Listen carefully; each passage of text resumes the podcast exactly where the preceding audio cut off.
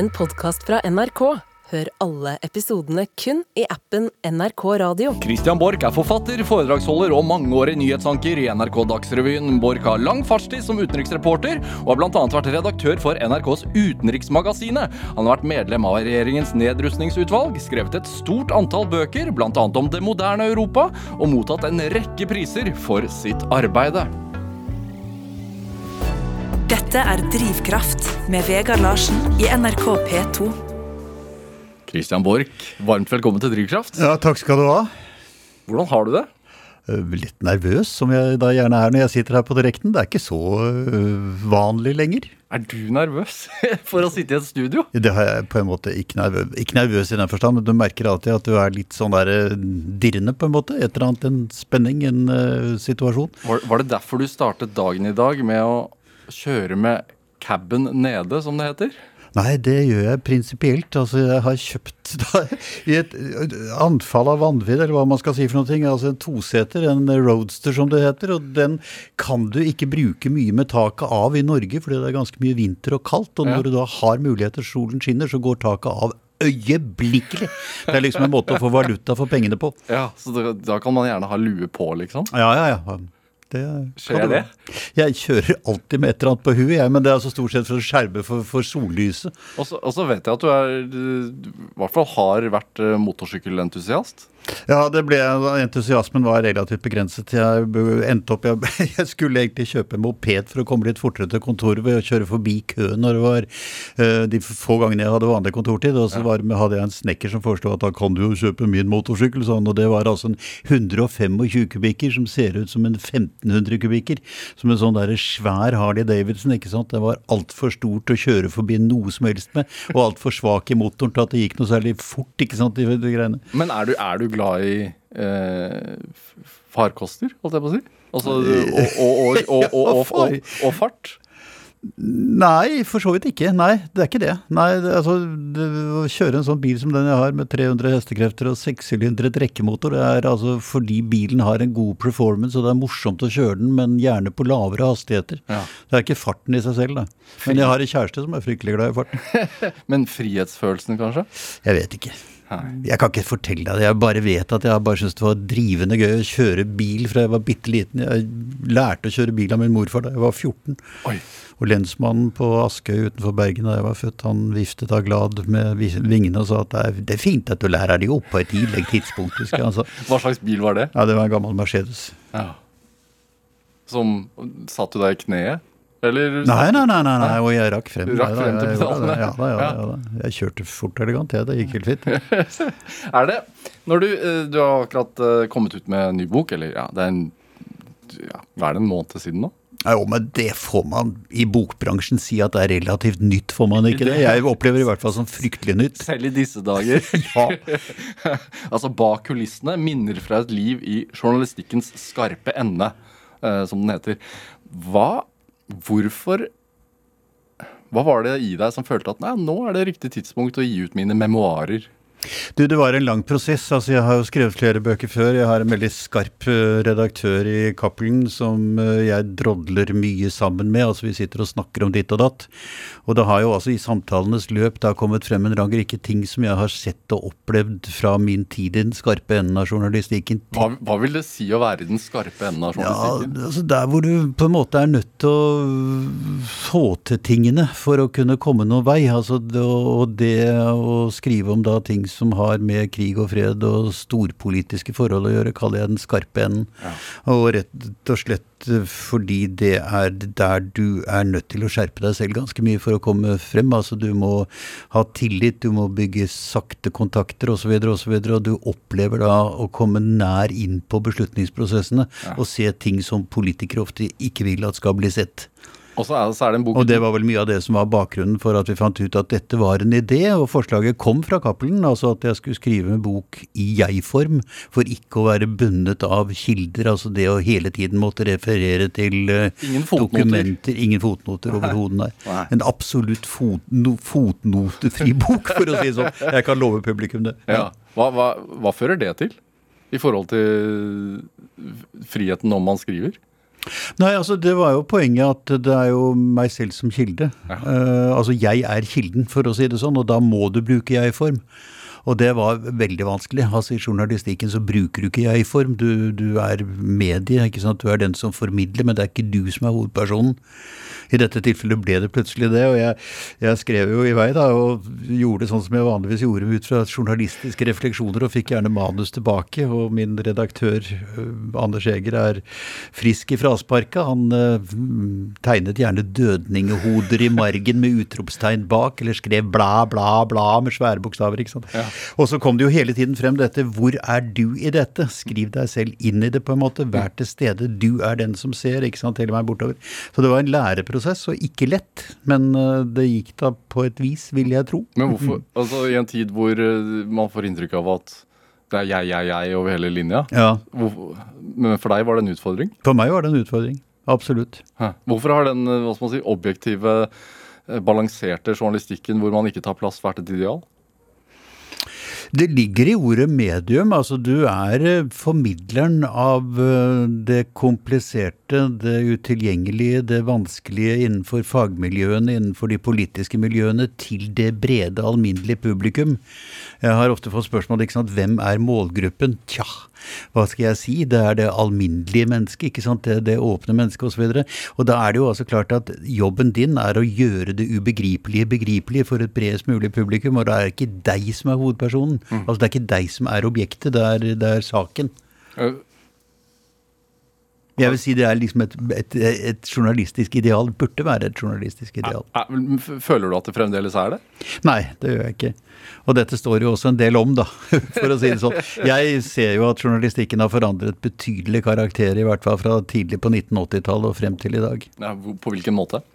Markedsmekanismene er kommet mye mye sterkere inn i vurderingen. Altså behovet for å tjene penger på det du gjør, er blitt eh, i enkelte sektorer og på enkelte områder blitt viktigere enn mye annet. Og det betyr at du tenker på liksom selger dette som et første spørsmål, og så tenke på nyhetsverdien, informasjonsverdien osv. sekundært. Ja. I en del kretser. Men, men jeg har lest uh, deler av boken din. Jeg har ikke fått lest hele. Men, Nei, det men, tar, tar sin tid. Uh, og- men du skriver bl.a. at eh, en, en tidlig læresetning hos deg var noe du lærte da du jobbet i The Times. Ja. Eh, så jobben min er å informere, utdanne og underholde. Ja. Eh, hvis jeg ikke mestrer underholdningsbiten, så er det ikke mulig å få til resten. Nei. Har den, men har den biten tatt, tatt over for mye, da? Nei, det er jeg ikke så sikker på. For du må kunne underholde på et annet nivå enn bare ved hjelp av kjendisjournalistikk og en del sånne parametere som har nedfelt seg i markedsanalyser fra reklamebyråer og den type ting. For det blir for banalt. Altså Underholdningsverdien gjør bl.a. å kunne forklare ekstremt kompliserte ting på en sånn måte at folk liker å lese om det. Og det som var min ilddåp, var jo at jeg, altså jeg studerte politisk historie på London School of Economics, og kom i berøring med de innledete uh, kjernefysiske nedrustningsforhandlingene mellom USA og Sovjetunionen, og believe me baby, det er ikke særlig enkelt, altså. Og da fikk jeg i sin tid et sabla stipendium fra eh, nedrustningsutvalget for å gjøre dette tilgjengelig. Og begynte da å skrive, og forsøkte å skrive på en sånn måte at jeg tenkte at mm, min tante i ytterste tuttlutt i hei ikke sant, ville forstå hva jeg sier.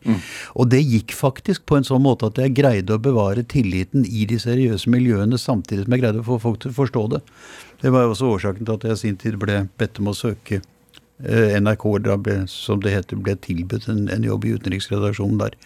For å kunne skrive om dette. Er du overrasket over mottagelsen Av boken? av boken? Ja, det skal fanden vite, for å si det forsiktig. For at altså, det som jo smalt opp her, var at én journalist grep fatt i ett lite tema. Altså det var journalisten, Fagbladet for journalister, som skrev en omtale av boken som var helt fremragende på alle mulige måter, men tok utgangspunkt i noe jeg skrev i det siste kapitlet om mitt forhold til NRK helt på slutten. Nemlig at jeg var bekymret over at eh, dialektforkjemperne vant frem i de riksdekkende nyhetssendingene, hvor NRK, som alle andre offisielle kringkastinger, er nødt til å holde på et normativt språk for å, mm, eh, håper å si, gjøre den jobben de er satt til å gjøre. Dette ble dratt opp, og så ble det kommentert av folk som overhodet ikke hadde sett konteksten. Og så ble de kommentarene utgangspunkt for en fullstendig viltvoksende debatt. Ja. Hvor sterke følelser og massevis av fordommer og skitt og lort og fanteri kom til overflaten og ble debattema. Ja. Og det var en relativt ellevill opplevelse, for å si det forsiktig, men det var ganske vondt å se at eh, de som da på en måte la premissene for debatten, ikke engang hadde brydd seg med å prøve å finne ut hva det var jeg opprinnelig hadde skrevet om det. Opplevde å sitte på andre siden for en gangs skyld. Ja, jeg gjorde jo det. Ja. Jeg gjorde jo det. Og det interessante var jo at da den ene som hadde skrevet den mest forløsende kommentaren, altså kommentator i VG, satt for åpen scene i Dagsnytt 18 og sa at nei, han hadde ikke lest det jeg hadde skrevet før han skrev det han skrev. Og det er ganske interessant, altså. er det Men du må jo ha skjønt at noe sånt kunne komme? Nei. Nei? Nei, det der, der hadde jeg ikke forutsatt. Altså, mener, er, en, ja, det, er, det er to ting jeg hadde problemer med med utviklingen i NRK helt på slutten, og det bare nevner jeg rent en passant på slutten der. Det ene er at en del sånne markedsmekanisme-tenkemåter Ja. var begynt å komme inn i deler av journalistikken i NRK. Der har den ingenting å gjøre, for NRK som statsinstitusjon skal jo motvirke dette, ikke være berørt av den type interesser. Og det andre var dette med språket i de riksdekkende nyhetene. Ja, ja. Jeg ble jo øyeblikkelig fremstilt som motstander av dialekter, hvilket er pæresludder, men det ble jeg da. Konservativ. Jaha, og ikke bare det, jeg var konservativ, men du vet når du kan skrive tallet 78 parentes etter navnet i sånne journalistiske greier, så blir du straks gammel. Men eh, vi skal ikke ta den språkdebatten her, Christian. Nei. Den, den, den har blitt tatt andre steder. Eh, Jeg jeg kjenner liksom en refleksadden i nervesystemet her, så jeg går opp i en offensiv toneleie, hører jeg. Mm. Vi legger den ned, ja. Dette er Drivkraft med Vegard Larsen i NRK P2. Og i dag er forfatter og journalist Christian Borch her hos meg i Drivkraft på NRK P2. Det, ja, du er, altså, selv om du er pensjonist, så er du fremdeles journalist. Ja, ja, ja. Alt, en gang journalist, alltid journalist. Ja, i hvert fall er jeg det jo aktivt, holdt jeg på å si. Jeg skriver jo kommentarer og blogger, og jeg deltar i podkaster og holder bøtter og bunker og spann av foredrag i all mulig rare fora osv. Så, videre, så det ligger jo et journalistisk arbeid til bunnen for dette. Da du gikk av med pensjon, så leste jeg en artikkel sånn nå skal jeg kose meg med å male. Ja. Hva, har det blitt tid til det? Nei. Nei. Det ble faktisk mindre tid til det etter at jeg gikk av enn det var før. Hva maler du? Nei, det vil jeg ikke snakke om engang. Jeg var i sin tid, eh, i min grønne ungdom, så var jeg fast innstilt på at jeg skulle bli kunstmaler, og til og med arbeidet med å søke om Altså forberedt meg på å søke om opptak på Kunst- og håndverksskolen. Ok. Før jeg dro til sjøs. Men hva maler du nå? Nei, det er ja, saker og ting. Er det Det er et fri, det, det er et personlig friminutt. Så, så det er veldig, Ja. ja. sant. Men også når jeg leser boken din, så merker jeg jo at eh, markedsliberalismen, den er du ikke spesielt glad i. Nei, altså ikke i den formen den etter hvert fikk. Altså Det vi opplevde var jo at eh, det, er jo en, det er jo for så vidt Jeg blir nødt til å ta to historiske tilbakeblikk her. Men altså, ikke sant, i hele perioden fra 1945 og sånn til slutten av 60-årene så arbeidet hele Europa med å sette Europa på skinner, igjen etter krigen. Man skulle ut av traumene, ut av frykten, angsten, uroen. Eh, skape en sikkerhet for borgerne. Du fikk velferdsstaten, du fikk eh, Alle, alle skal med. Også, alle skal med, og det var et sosialdemokratisk prosjekt i utgangspunktet, tror jeg man kan kalle det. Fordi du fikk alle med, altså skipsredere og bønder og soldater. Og på å si, alle spente seg fast bak samme åk og dro i gang. Og så kommer altså den generasjonen som da ble unnfanget i yr seiersrus ikke sant, i 1945 og fremover, og blir unge voksne. De tar velferdsstaten som gitt, og de ser den som en begrensning på deres utfoldelse. Og så kommer først opptøyene på Sorbonne-universitetet i våren 1968, som sprer seg som en gressbrann over hele Europa og til dels USA. Og så får du en periode fra 1970 og opp til 1980 som er preget av totalt kaos av forskjellige impulser. Du har ny musikk, ikke sant. Rolling Stones kommer inn, du får nye klesdrakter. Du får samtidig en fagbevegelse som forsøker å holde holder på de gamle dydene og snakker fortsatt om klassekamp og streiker. Det blir konflikter i bøtter og spann. Og jeg bodde i London i denne perioden, som jeg da for så vidt har fortsatt med å gjøre i stor grad, men i hvert fall der så du det sterkest fordi du hadde en sånn veldig konservativt tenkende fagbevegelse, eh, kombinert med at eh, holdt jeg på å si, popmusikken, det nye, det nye livet, fikk sitt eh, spillerom der. altså. Ja, du gikk vel i klasse under Mick Jagger, samtidig som, Året du, under, ja. som du, ja, samtidig som du var der da Thatcher ble valgt. Ja. Så det viser vel det spennet du følte på kroppen, på en måte? Og så kom altså Thatcher inn og skapte en form for ro og orden, og hun øh, fikk jo for så vidt da ved hjelp av reklamemetoder definert et nytt borgerskap, altså en ny type menneske. Ja. Altså borte ble da den sosiale samvittigheten, borte ble hele den ideen der, den litt grå, litt tunge skikkeligheten på en måte. Eh, og du fikk dette kombinert med en eh, veldig frihetsfølelse som gjorde at folk fant det rimelig å bli egoistiske, litt egosentriske. Det ble et veldig marked, forbrukermarkedet steg i verdi noe helt enormt.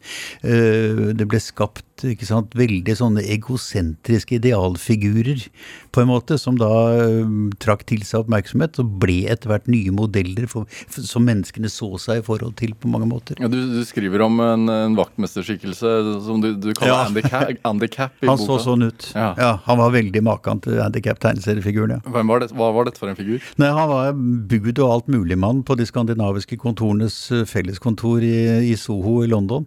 Han hadde en liten bulkete minivan som han kjørte bl.a. sånne ferdigredigerte reportasjer til uh, ut til Heathrow for å få det med siste SAS-fly før sendingen i Dagsrevyen. Og han var altså da uh, fanatisk tilhenger av alle wildcat strikes som braserte gjennom det britiske samfunnet på den tiden. Og så Hva var, hva var det for noe? Nei, det var jo altså disse streikene som uh, kom i gang for å demonstrere arbeidermakt i en ny situasjon. Du hadde jo annet søppelstreiken i London.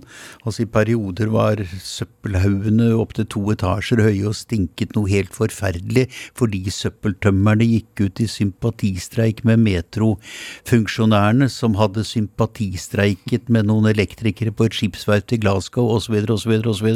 Altså det var en sånn demonstrasjon. ikke sant? Dette likte vår venn Andy Capp. Men så, etter at Maggie Thatcher kom inn, og det ble liksom en sånn greed is good-tenkning gjennom det hele, så begynte han å skifte antrekk og skifte klær og skifte holdning. Han mm, ble tilhenger av ikke lenger å gå på pub, men å gå på sofistikerte wine bars off Leicester Square. ikke sant? Og du skjønte at han var blitt kapitalist da, på en måte. Og var vel da for så vidt altså, symbolet på Maggie Thatchers idealborger, Ja. på mange måter. Var det noe galt med den utviklingen? da? Ja, altså Det gale ved det var jo at det var en kullsviertro på den absolutte frie kapitalbevegelse. Ehm, teorien gikk ganske enkelt ut på at slipper du kapitalen helt fri og lar den få styre sitt eget løp, så vil kapitalen søke mot sunne investeringer, og det vil skape gode, naturlig fungerende samfunn. Eh, dette er jo for så vidt en del av den gamle konservative visjonen også, men det som jo var helt borte fra Maggie Thatcher og hennes eh, politiske venners verden, det var jo at det i den grunnleggende visjonen om konservatismen også lå en idé om et sikkerhetsnett under borgerne. Altså borgerne selv måtte vurdere begrensningene for frihetsutfoldelsen for å sikre gode samfunn. Politikere liker økonomisk vekst, fordi økonomisk vekst kan gi grunnlag for gode samfunn, men det forutsetter altså at du tar kontrollen over utviklingen på noen måte. Og det var det som var min, min, min store, øh, mitt store angrepspunkt. Det var jo at denne kontrollen etter hvert slapp taket. Mer og mer. Ja. Og at uh, markedet vant. Markedet vant. Ja. Er det, når jeg hører deg nå, så nå, nå trenger du jo ikke å være objektiv journalist lenger. Nå kan du jo være Hvilket var poenget med denne boken, og derfor jeg-formen. Ja, ja, ja. Men, men, men hvor står du selv? Du, er, du, har jo tidligere i hvert fall vært medlem av Høyre. og jeg vet ikke, hvor, Nei, jeg var ikke medlem av Høyre. Det du ble var, nesten valgt inn, i hvert fall. Jeg ble nesten stortingsrepresentant for Høyre, ja, men jeg var ikke medlem av partiet den gangen. Det var en annen historie. Nei, altså Bakgrunnen var jo at jeg er født og oppvokst i det du kan kalle en tung, solid, gammel kapitalistisk verden, med generasjoner av skipsredere og bankfolk og finansfolk og you name it eh, bakover, i Holmenkollåsen, ikke sant. Mm. Og forutsetningene lå til stede for en storsnobb, og det var jeg vel også på mange måter. Og jeg vil vel altså altså fremdeles definere meg som konservativ, men idékonservativ. Og i det stykket skiller jeg meg ganske dramatisk, tror jeg, fra mye av det som er Hva er forskjellen? Forskjellen er jo at jeg har tro på øh, det, den frie utfoldelse, den frie selvstendige, den selvstendigheten, altså borgernes frihet i et samfunn, men forutsetter at samfunnet er en institusjon som tar vare på borgerne. Og jeg tror at med de klasseskillene du får nå, med den veldig store satsingen på um, generering av rikdom, mm. så får du altså noen ganske få som kontrollerer eh, produksjonsmidlene, mens en masse mennesker faller utenom. Vi har hatt uh, noen turer sammen med de gule vestene i Paris, min kvinne og jeg. Og det er ganske oppsiktsvekkende, fordi det du hører der, er mennesker som ikke definerer seg inn i en politisk isme, mm. men de er glemt. Dette er altså store mengder mennesker som er da bare blitt arbeidsløse og glemt av den politiske ledelsen etter hvert som globaliseringen etc. har tatt fra dem tingene. Er det, no, er, dypere misnøye, mye mye dypere misnøye enn folk er klar over. altså. Er det noen likheter der mellom de demonstrasjonene, søppeldemonstrasjonene f.eks. du så i Storbritannia på, på 70-tallet? Nei. Nei, det tror jeg ikke. Det fins ikke. Altså det som, det som, skjedde i Storbritannia på den tiden, det var, eh, det var en øh, Tror jeg mer en frykt for å miste makten, på en måte, i en arbeiderbevegelse som på mange måter hadde hatt bukten og begge endene i etterkrigstiden og hadde fått til ganske mye. Hadde altså på mange måter lyktes med sin revolusjon. Ja. Det du ser her er ikke en revolusjon i den forstand, men det er bare et, et fortvilet rop om oppmerksomhet, altså. Mm. Fordi de har glemt. Og det er konservatismens oppgave å ta vare på folk, på en måte. Hva syns du om Macrons svar, da? Om? På Macron sitt svar til, til disse Nei, han, eh, jeg er veldig skuffet. da. Vi har interessante diskusjoner om dette hjemme. Jeg, min kvinne er fransk, for ja, å si det sånn. Ja. Og vi har, eh, jeg, jeg, er jo eh, veldig skuffet over å se hvor lite han har klart å ta vare på det samfunnet han jo er satt til å forvalte. For da han begynte med dette, så var jo nettopp brobyggerfunksjonen hans store poeng. At han skulle kutte ut ikke sant, de skillelinjene som hadde oppstått oppstått i samfunnet. Bygge bro over dem osv. Men han har jo altså vært motstander av å, å beskatte de rikeste. Altså gå og liksom ta de Der hvor de enorme fortjenestene kommer, og stoppe det på en måte. og ja, gjøre noe med de som da faller utenom. Og det har ikke fungert som det skulle. Er det en tendens vi ser resten av, i resten av Vesten? Nja, du kan nok si det. Og jeg tror nok at det er en årsak til at du ser en fremvekst av populistiske politikere. Altså de som da er i stand til å fange opp misnøyen, artikulere den og få folk til å tro at de har løsninger. Trump var vel litt av det fenomenet. Du ser det veldig klart i denne Nasjonal Front-bevegelsen i Frankrike med Marine Le Pen som leder nå. Du så det veldig klart i Nederland osv., hvor de altså griper årsaken til den folkelige misnøyen, gjør et poeng av den, men uten å ha noe særlig å fare med utover det. Mediedrillede politikere som høres ut som de skal selge bleier, skriver du. Sånn, ikke, ikke, ikke rent ordrett, men Nei, men det er altså en forlengelse av dette med den, den voldsomme troen på markedsmekanismene. Det har jo også da bl.a. ført til at medierådgivere, stylister, andre som prøver liksom å gjøre ideer og visjoner gryteferdige for markedet, gjøre dem attraktive på en måte, har fått en umåtelig innflytelse. Ja. Du ser jo politikere i bøtter og spann som går til medierådgivere for å lære å artikulere seg, for å lære å snakke slik at de skal bli likt. Når skjedde det i Norge? Når når kom vel for alvor med Tony Blairs nye Labour i, i 97. Mm. Og det de gjorde der var veldig effektivt. Da hadde Maggie Thatcher på en måte lagt grunnen for det med sin spesielle form for retorikk. Og så så du at det ble kopiert eh, i alle mulige retninger. I Storbritannia greide de å forstå at det gikk for langt, og bremset utviklingen, men det har de ikke gjort andre steder. Og problemet er jo da at politikere høres ut som om de er markedsført på linje med bleier og sydenturer og biler, og det skaper ikke tillit. Nei. Tvert imot. Men du skriver jo også at du er positiv. At du er optimist. Ja, du avslutter i hvert fall eh, på den måten. Du har jo troa. Jo, det, altså, du mener det er jo klart at enhver epoke i historien er jo, er, går jo ut med et positivt utgangspunkt. Altså Politikerne som leder en epoke, har en visjon og har velgerne med seg i demokratiene. Og så går et eller annet gærent, og så synker, og så må det komme noe nytt. Ja. Og evnen til å finne det nye, finne andre veier ut av det hele, ligger jo innbakt i mennesket. Det er sånn vi er. Så jeg tror nok at jeg er basically optimist. Men jeg ser også at det er en god del ting som har gått galt. Jeg tror bl.a. invasjonen i Ukraina viser at vår vurderingsevne var litt overskygget av visjonene om det å ha gode handelsforbindelser og den type ting. Jeg vil jo også si at vårt forhold til Kina har vært litt pinlig på mange måter, med den erklæringen vi kom med i 2016 om at vi og den her sagt ville godta alt Kina kom til å foreta seg i fremtiden, bare etter et voldsomt press fra bl.a. laksenæringen og andre som da tapte veldig mye penger på at kineserne ikke likte oss. Og det er nok mye av det som gjør at vi kanskje ikke så hva fenomenet Putin ble drevet frem av, av de visjonene. Så vi satte ikke foten ned i tide, tror jeg. Og når jeg sier vi, da så mener jeg den vestlige verden, den vestlige sikkerhetspolitiske samfunnet. Naivitet eller feighet?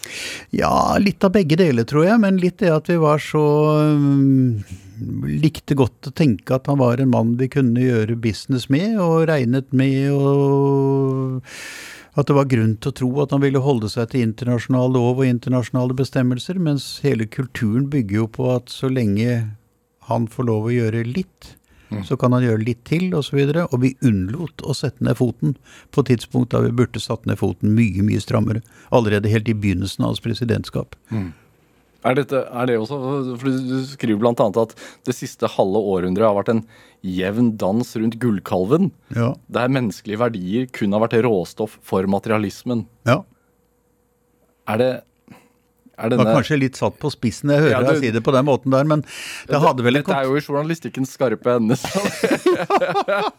du liker jo å sette ting på spissen. Jo da, jeg gjør det, men altså jeg innbiller meg at jeg hadde ikke sluppet unna med den setningen der hvis ikke den hadde en eh, kontekstuell forbindelse, at den var altså hentet inn og at det hadde en tekst rundt seg.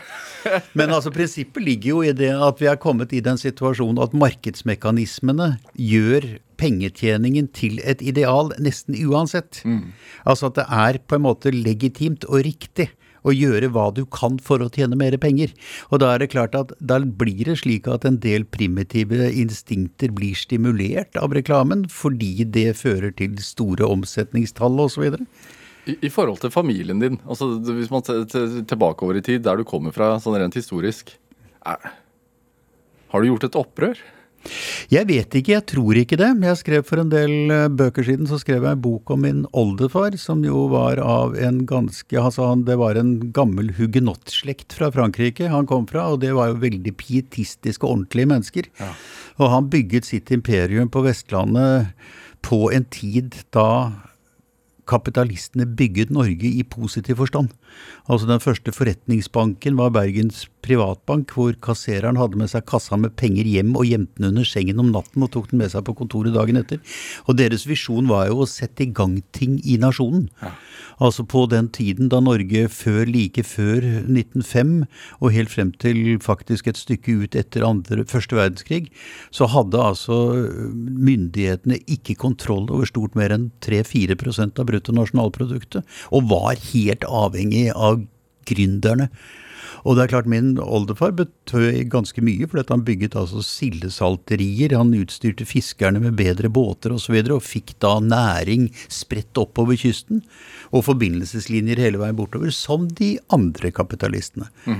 fabrikkbyggerne, alle de andre som skapte arbeidsplasser, rett og slett. Jeg tror de hadde en annen innstilling. Det var klart de var også ute etter å bli rike, men deres visjon gikk mer på å bygge en nasjon. Altså bygge liksom en, en fungerende nasjon til alles beste. Den var mye mindre egosentrisk. Er det, er det noe du ser mangler i dag? Kanskje litt av ånden, men du kan ikke vente at den skal kunne fortsette, for situasjonen var jo diametralt forskjellig. Altså Vi utvikler oss jo nå på et helt annet grunnlag. Men problemet er vel kanskje da historieløsheten i vår tid. Altså at man i for liten grad ser på hvordan menneskenes trygghet, og fremfor alt menneskenes følelser, menneskenes opplevelse av sin egen situasjon, mm. spiller inn på den politiske tryggheten og stabiliteten i et land. Det tror jeg er et veldig veldig undervurdert fenomen. Det vi så uh, blant disse menneskene som demonstrerte i millioner ikke sant, nedover i gule vester nedover Champs-Élysées fra, fra Etoile det var jo mennesker som, som uh, følte seg mindreverdige, mindreverdige fordi de ble behandlet som mindreverdige. Og det er klart det skaper jo en følelse av frustrasjon, av sorg, av uro, av osv. osv. Og, så videre, og de følelsene vokser. Mm. Og de er der som en enorm kraft inne i samfunnet. Rent historisk sett, hva kan det føre til, da? Nei, Det kan jo føre til revolusjoner. og Du kan jo si at Frankrike har jo revolusjonene innbakt i, sitt, i, sine gener. altså De bråker jo noe forferdelig. Det påstås jo at Frankrike er et paradis befolket av mennesker som tror de er i helvete. Og det, det, er, nok, det er, nok, noe der at de, de bråker noe aldeles forskrekkelig og lager mye rabalder rundt seg. altså det blir, jo, det blir jo gjerne det i Frankrike, men det er eh, allikevel en risiko. Og jeg tror den største risikoen er at hvis ikke politikere klarer å fange dette opp på en positiv måte og gi et realistisk håp. Det var det Macron gjorde, men han har vel altså ikke fullført det løpet, tror jeg. Mm. Eh, så vil du få en åpning for populister og føre dem galt frem. Altså Skrekkeksempelet er jo det som skjedde under Weimar-republikken eh, i Tyskland, og som da førte til Hitler. Og Han hadde jo en enorm oppslutning av mennesker fordi man trodde på ham. altså. Og han tok jo nettopp denne sosiale uroen for at den var verdt, ikke sant, og blåste den opp og ga tyskerne en følelse av å være noe som de da hadde mistet troen på at de var. Får ikke håpe det går dit, Kristian. Nei da, det gjør ikke det. Men det er, det er en tankevekkende, tankevekkende paralleller. Syns vi skal spille noe oppløftende musikk i stedet? Kan vi ikke gjøre det? Du, du, du har med et stykke her. Hva, hva er det vi skal høre? Nei, det, det er altså det er altså en, en, et stykke musikk som er hentet opprinnelig fra en klassisk opera av Verdi, og heter Va Pensiero. Jeg er ikke helt sikker på hva tittelen betyr, men det er altså fra slavekoret i eh, operaen om Nebukanesar, Som handler om den første jødiske diasporaen eh, lenge, lenge før Kristi fødsel. Og den er altså blitt en råpopulær popsang. Og her tror jeg, hvis det er den samme innspillingen, at du hører den med både Pavarotti og Zucchero. Er, er, det noe du kan fyre på anlegget når du kjører med caben nede? ja, ja, ja, det kan du. Og det gjør jeg.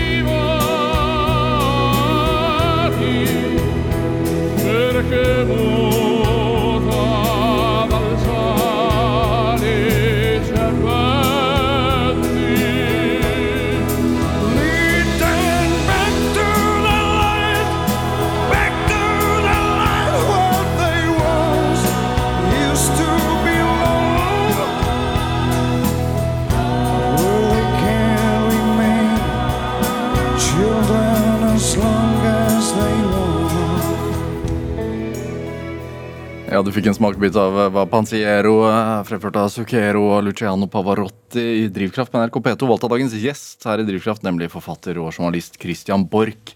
Altså, hvor rent sånn bokstavelig er du født? Hvor bokstavelig er jeg født? Ja. Ja, altså, jeg er født i min oldefars vinkjeller. Min oldefar grunnla da et kolossalt sommersted ute på Strømsnes utenfor Bergen med et hovedhus og åtte små villaer og mm, havneanlegg og kunstige dammer med importerte japanske gullkarper og greier, og hadde en enorm vinkjeller som da under krigen ble ominnredet til bombekjeller.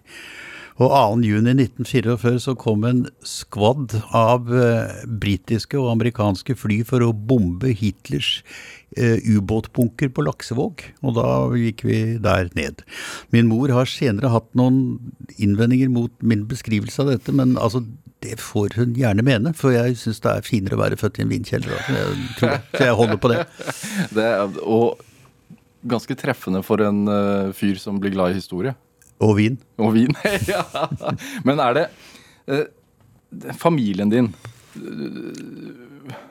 du, du, du sa at eh, den, eh, du, du var fare for at du kunne bli snobb. Ja. Hvordan var barndommen? Ja, Det er veldig vanskelig å svare på. Altså, både min fars familie og min mors familie er jo da det du kaller innvandrere, i den forstand at det er familier som kom fra henholdsvis Tyskland, Nederland, Frankrike osv. Og, så videre, og bosatte seg på Vestlandet sånn 1700-tallet.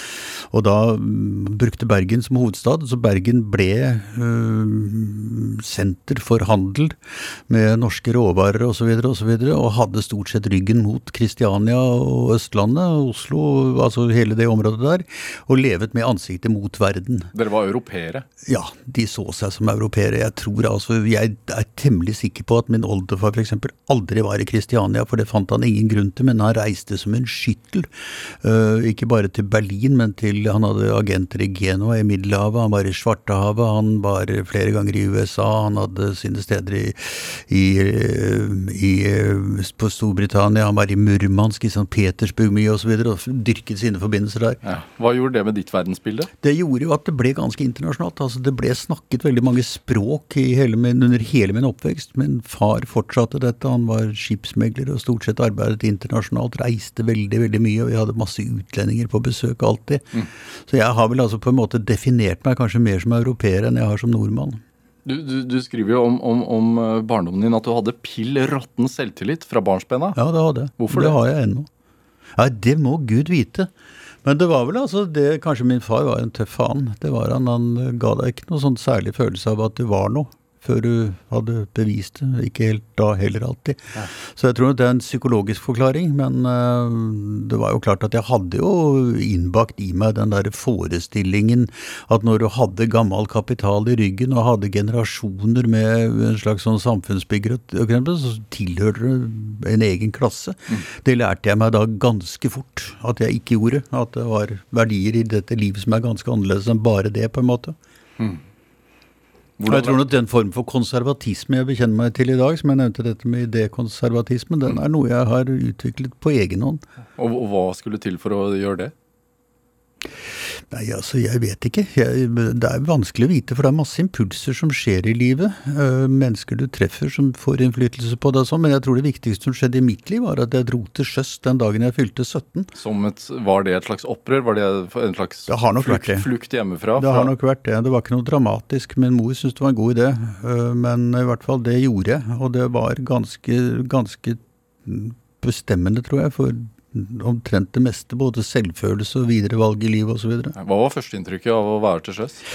Jeg ble satt på fire-åtte-vakta ganske tidlig. Det betyr at jeg sto til rors eller på utkikk eh, fra fire om morgenen til åtte om morgenen, og fra fire om ettermiddagen til åtte om kvelden. Som 16-åring?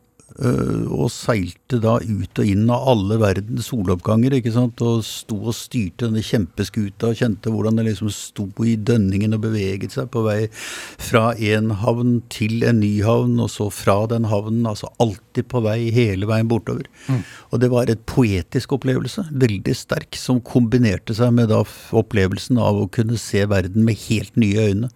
Å stå helt alene til å kunne vurdere det jeg så. Hva overrasket deg i forhold til den uh, verden du kom fra? For å si det sånn at havnekvarteret i Genova skiller seg i noen grad fra Holmenkollåsen, om du kan si det på den måten. Ja. Og du treffer mennesker der som er mennesker, i ordets endte betydning. Ja. Varme, masse humor, intelligens osv., osv., osv. Men formet i et annet sosialt, en annen sosial støpeskje. Hva så du da, da? Altså sånn Rent bortsett fra det. Altså, hva, Var det nytt? Det var nytt. Det var helt opplagt nytt. Og det var altså det som var mest nytt, det var den derre enorme frihetsfølelsen av å kunne se verdier med helt objektive øyne, altså med bare mine øyne, og se at tingene var annerledes enn det jeg på en måte var indoktrinert til å tro på. Også i kombinasjon med det rent visuelle sånn. Altså det var rett og slett Jeg kjenner den derre bevegelsen av skipskroget i beina og ryggraden fremdeles, ja. Altså. Det, er, det er noe der. Jeg tror det ble helt avgjørende for mitt valg av yrke. Du, men du studerte jo økonomi. Nei det, nei, det gjorde jeg ikke. Nei, gud fader, det ville vært helt bortkastet. Var det ikke det du gjorde da? På London School of Economics? var- Jo, men det er jo, det er jo Altså, det heter London School of Economics and Political Science. Det er bare Man sier ikke alt dette på en gang. Beklager. Nei. Og det, men det var Jeg studerte politisk historie på London School of Economics etter at jeg hadde da først og fremst gjort meg ferdig med, med en to og et halvt år i periode som journalistaspirant i Morgenbladet. Det første var det viktigste jeg har gjort, tror jeg, eh, sånn rent håndverksmessig, for der lærte jeg faget, altså virkelig. Men, men det valget av å reise til sjøs og, og oppdage at det eksisterer en verden utenfor, og at uh, mennesker har en verdi i alle lag Ja. Altså, Du kunne jo valgt uh, å, å gå i din fars fotspor og, og, og, og tilhøre den Hva skal man si Velge å omfavne den klassen du var født inn i. ja, det kunne jeg. Hva var, altså, Når man velger en sånn diametral motsatt retning, hva skjer da? Hva, hvorfor gjør man det? Nei, i mitt tilfelle så det, altså det, Som sagt så var det rett og slett de opplevelsene jeg hadde som ganske ung sjømann, og som veldig, veldig ung sjømann. Du er, ikke, du er ikke moden når du er 16, selv om du tror du er det på det tidspunkt. Og du får jo impulser som forandrer en del grunnholdninger.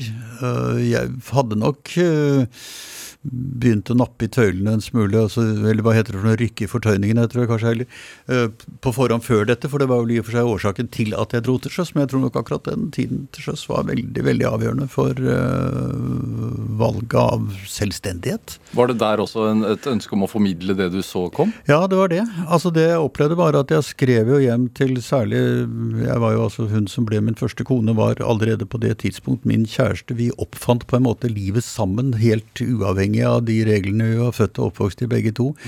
Og det jeg oppdaget, var at jeg fikk en voldsom respons på det å se tingene med helt andre øyne. Hva kunne du skrive?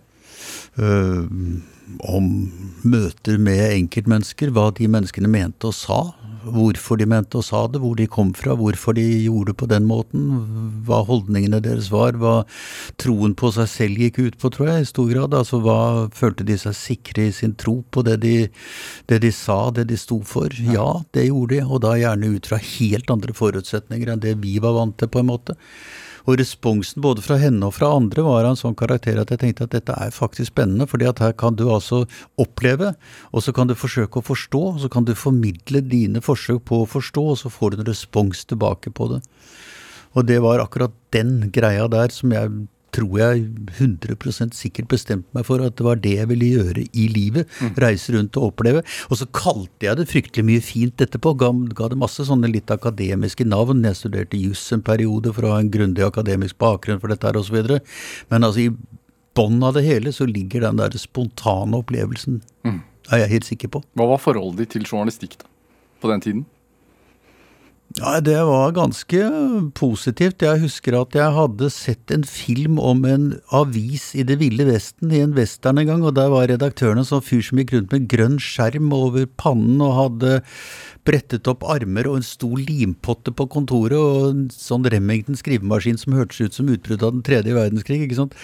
Og sånn vil jeg være. Jeg laget en familieavis da jeg var tolv. ja vel. På rutepapir med sånn postkort og greier. Min far var utenrikskorrespondent, og mine besteforeldre var regionale korrespondenter i Bergen. Og skrev, og skrev om familien, eller? Ja, om familien og ting som skjedde med familien, og ting som skjedde med bl.a. nabogutten som var en god venn av meg, og het Jens og var veldig redd for hunder. Jeg var ikke redd for hunder, og vi diskuterte dette temaet, husker jeg, blant Ja. annet. Og så øh, startet du vel karrieren i Morgenbladet først? I Morgenbladet, ja. Ja. Eh, I en spesiell tid i Morgenbladet? Det var, eh, Morgenbladet var på det tidspunkt eh, en av kronjuvelene i høyrepressen. En av de virkelig store, kulturell og på andre måter, men hadde en elendig økonomi. Og så var det da at du hadde fremveksten av det som het Libertas.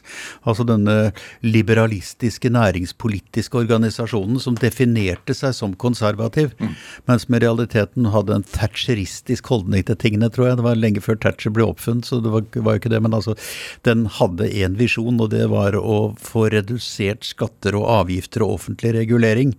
Hvilket jo for så vidt ble definert som et politisk konservativt tiltak, men som i realiteten var myntet på én ting, og det var at de skulle kunne tjene mest mulig penger og beholde mest mulig av det selv. Heltene i den virkeligheten der var advokater som var eksperter på å forhindre at deres rike klienter skulle betale mer til fellesskapet enn de måtte. Ja. En, egentlig en slags virkelighet du kom fra, da. Ja, på en måte. Og det var nok eh, sånn at det ble forutsatt at jeg tilhørte den kretsen, tror jeg i stor grad. Jeg var der i to perioder. Den første som journalistaspirant, og den andre som nyhetsredaktør da jeg kom tilbake fra London. Den første perioden var jeg bare lærling, holdt jeg på å si, og gjorde alt mellom himmel og jord. Fra å dekke trafikkulykker og åpning av nye kolonialbutikker, til å sitte og klippe telegrammet på nattedesken, til å prøve ut Alfa Romeo sportsbiler i utenfor Salerno i Italia, til å dekke ny, nye former for skipsforsikring i London, til å dekke en norsk skjortefabrikk i Porto. Jeg spiste lunsj med Alfred Hitchcock på Frascati i Oslo, husker jeg, og middag med Gina Lollobrigida. Jeg dekket til og med Sonja og Haralds forlovelse. Men det tror jeg bare var fordi jeg var den eneste som hadde slips på meg den dagen. Ja, Og du har skrevet bo- bok om, eh, om eh, Harald også? To bøker. To bøker. Ja. Ja. Og har vel også blitt venner etter hvert? Det, det kan vi Ja, vi kjenner hverandre. Uh, er det Veien inn i, inn i NRK uh, Var det for å komme bort fra den markedsstyrte tankegangen som Jeg hadde politisk ingenting i Morgenbladet å gjøre da jeg var der som nyhetsredaktør, og det var problematisk. Jeg kjempet med det hele veien bortover. Det var en, eh, jeg hadde en, en veldig fin sjefredaktør med bøtter og spann av humor og selvironi, og det hjalp godt. Vi spilte på lag sammen. Men eh, de som sto bak, hadde et øh, ekstremt ensporet politisk syn som jeg ikke følte meg hjemme i. Og jeg hadde jo da i oppdrag å prøve å bygge avisen opp som en moderne nyhetsavis. Det var ikke noen enkel oppgave, det kan jeg fortelle, men vi kom ganske langt og fikk en del veldig veldig flinke folk inn som brukte Morgenbladet, eller altså Morgenbladet ble deres startfase videre i livet, og det, det gikk ikke så aller verst. Men det som var poenget, var at jeg oppdaget, særlig når jeg begynte å skrive om dette jeg nevnte i sted med sikkerhetspolitikk osv., mm. at jeg fikk en veldig nær kontakt med publikum, en veldig feedback på det jeg gjorde som skrivende journalist. Og det var da jeg bestemte meg for at jeg ville være utøvende journalist, ikke administrerende journalist. Og det tilbudet fra NRK kom jo da som øh, en åpenbaring, holdt jeg på å si. Det var liksom Guds hånd som kom ned i akkurat på det tidspunkt. Pga. feedback, eller pga. at du faktisk merket at noen leste det du skrev? Altså, hva Nei, altså poenget var det at det å skrive, formulere, det å gå inn i problemstillinger, forstå dem, kunne øh, gi dem et språk som gjorde at de ble forståelige for det store publikum, det var det jeg følte at jeg ville med journalistikken, det jeg ønsket å gjøre, ikke å administrere andre.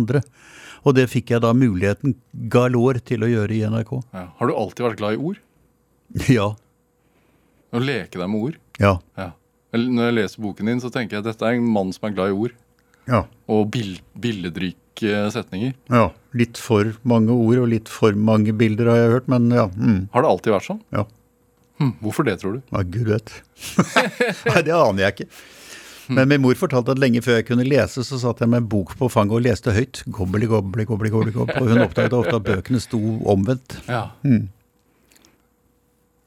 Nei, det aner jeg ikke. Det har bare vært sånn. ja. Hvordan er det da å gå fra å være i utenriksredaksjonen, og også utenrikssjef eh, en periode, og det å rapportere fra verden til å bli anker? Det var en uh, Opplevde jeg den gangen som en slags forlengelse av det hele. For da øh, utnytter du selve kommunikasjonsfaktoren på et litt annet nivå. Det var en veldig fordel å ha en såpass bred bakgrunn. Mm. Og kunne såpass mange stoffområder, slik at jeg følte meg trygg på alt det jeg snakket om. Eller det meste av det jeg snakket om, at jeg visste hvordan det var. Og så var det det der med å og da har lært at du kan ikke fake. Og det blir du veldig obs på når du arbeider i et så ekstremt eksponert medium som fjernsynet. Du er så kloss på folk at det minste lille trekk med muskulatur rundt øynene dine skaper reaksjoner hos publikum. Altså reaksjonene på det du foretar deg er primært emosjonelt, altså følelsesmessig, sekundært øh, intellektuelt, altså tankemessig. Og det er klart at du må, litt som skuespillerne, du må være i rollen. Du kan ikke spille den. I det øyeblikk du spiller, så lager du en mur mellom deg og publikum. Du må være til stede. Og det gjorde jeg til et poeng, og det syns jeg gikk bra. Det var en, en veldig uh, lærerik uh, måte å videreutvikle akkurat selve kommunikasjonselementet på, altså, mm. syns jeg. Mm. Hvordan merker man nedslagsfeltet? På en direkte respons fra publikum. Ja. En veldig, veldig spontan og direkte spontan reaksjon fra publikum. Hm. Hvilke... Det merker jeg fremdeles. altså Du kan ikke gå mange meterne før en eller annen mener et eller annet om deg. Hvilke sendinger husker du? Å, det var jo en del. Jeg må si at den tøffeste vi hadde, var vel, eh, var vel 9-11-historien. Hvor vi altså klokken tror jeg det var klokka, jeg kan ikke helt huske tidspunkt, men jeg husker at jeg sto sammen med vaktsjef Ragnar Augland og gikk gjennom timesendingen klokken tre. Et, ti på tre sto vi der. Altså 14.50. Mm. Og så plutselig er det en som sier 'faen, se her', da! Og så er det altså en direktesending. Vi ligger ute med CNN som viser et fly for full fart mot uh, disse to tårnene i New York, og så krasjer det som bare rakkeren, og vi blir veldig usikre og lurer på hva i herrens navn dette er for noen ting. Mm. Og så begynner vi å ane at det ikke bare er et idiotisk reklamestunt, men det er altså virkelig alvor. Og så går jeg på lufta klokken tre og vet ikke mer enn dette, men må forsiktig begynne å si noe om det. Og akkurat det der med å kunne balansere ut fakta med den ekstreme tragedien, altså fakta av det vi vet med den ekstreme tragedien som ligger potensielt i kulissene foran oss, mm.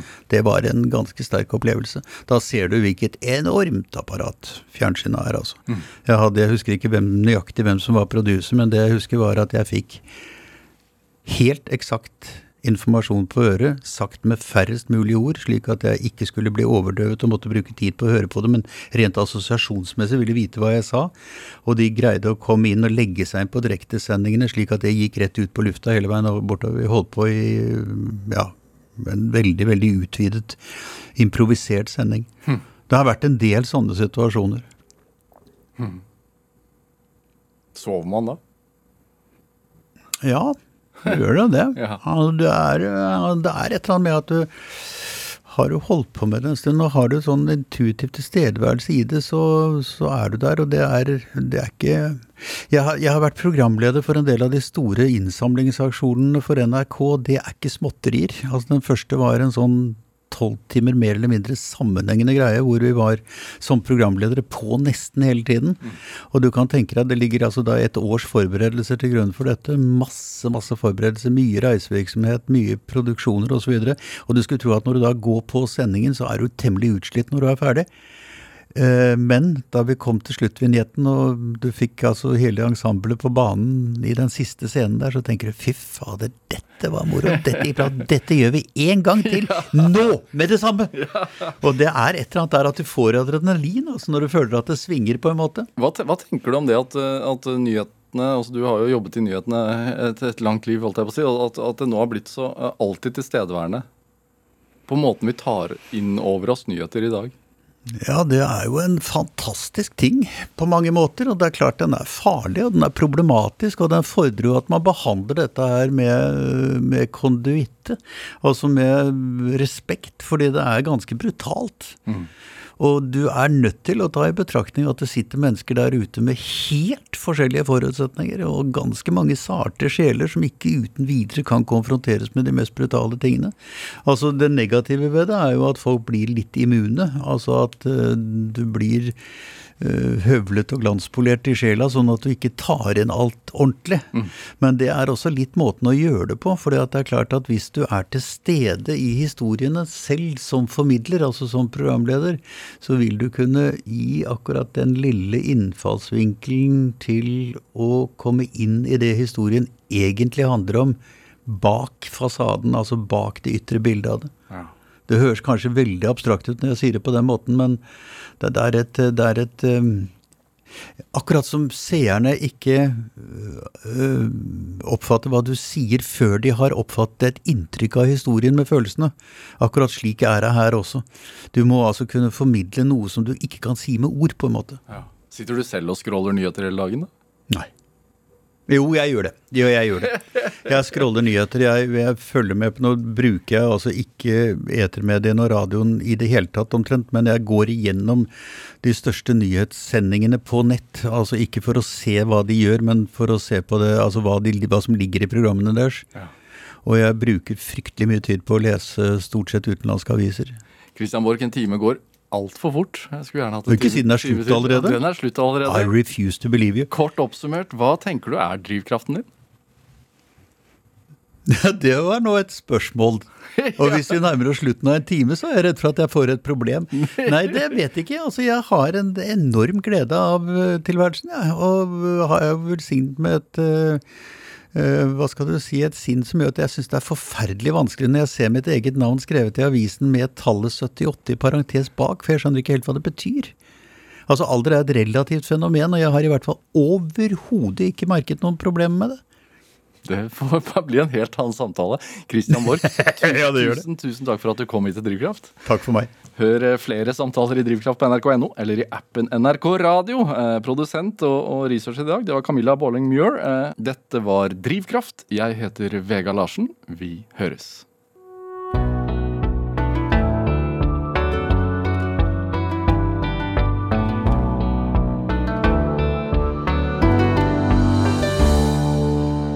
Du har hørt en podkast fra NRK. Hør alle episodene kun i appen NRK Radio.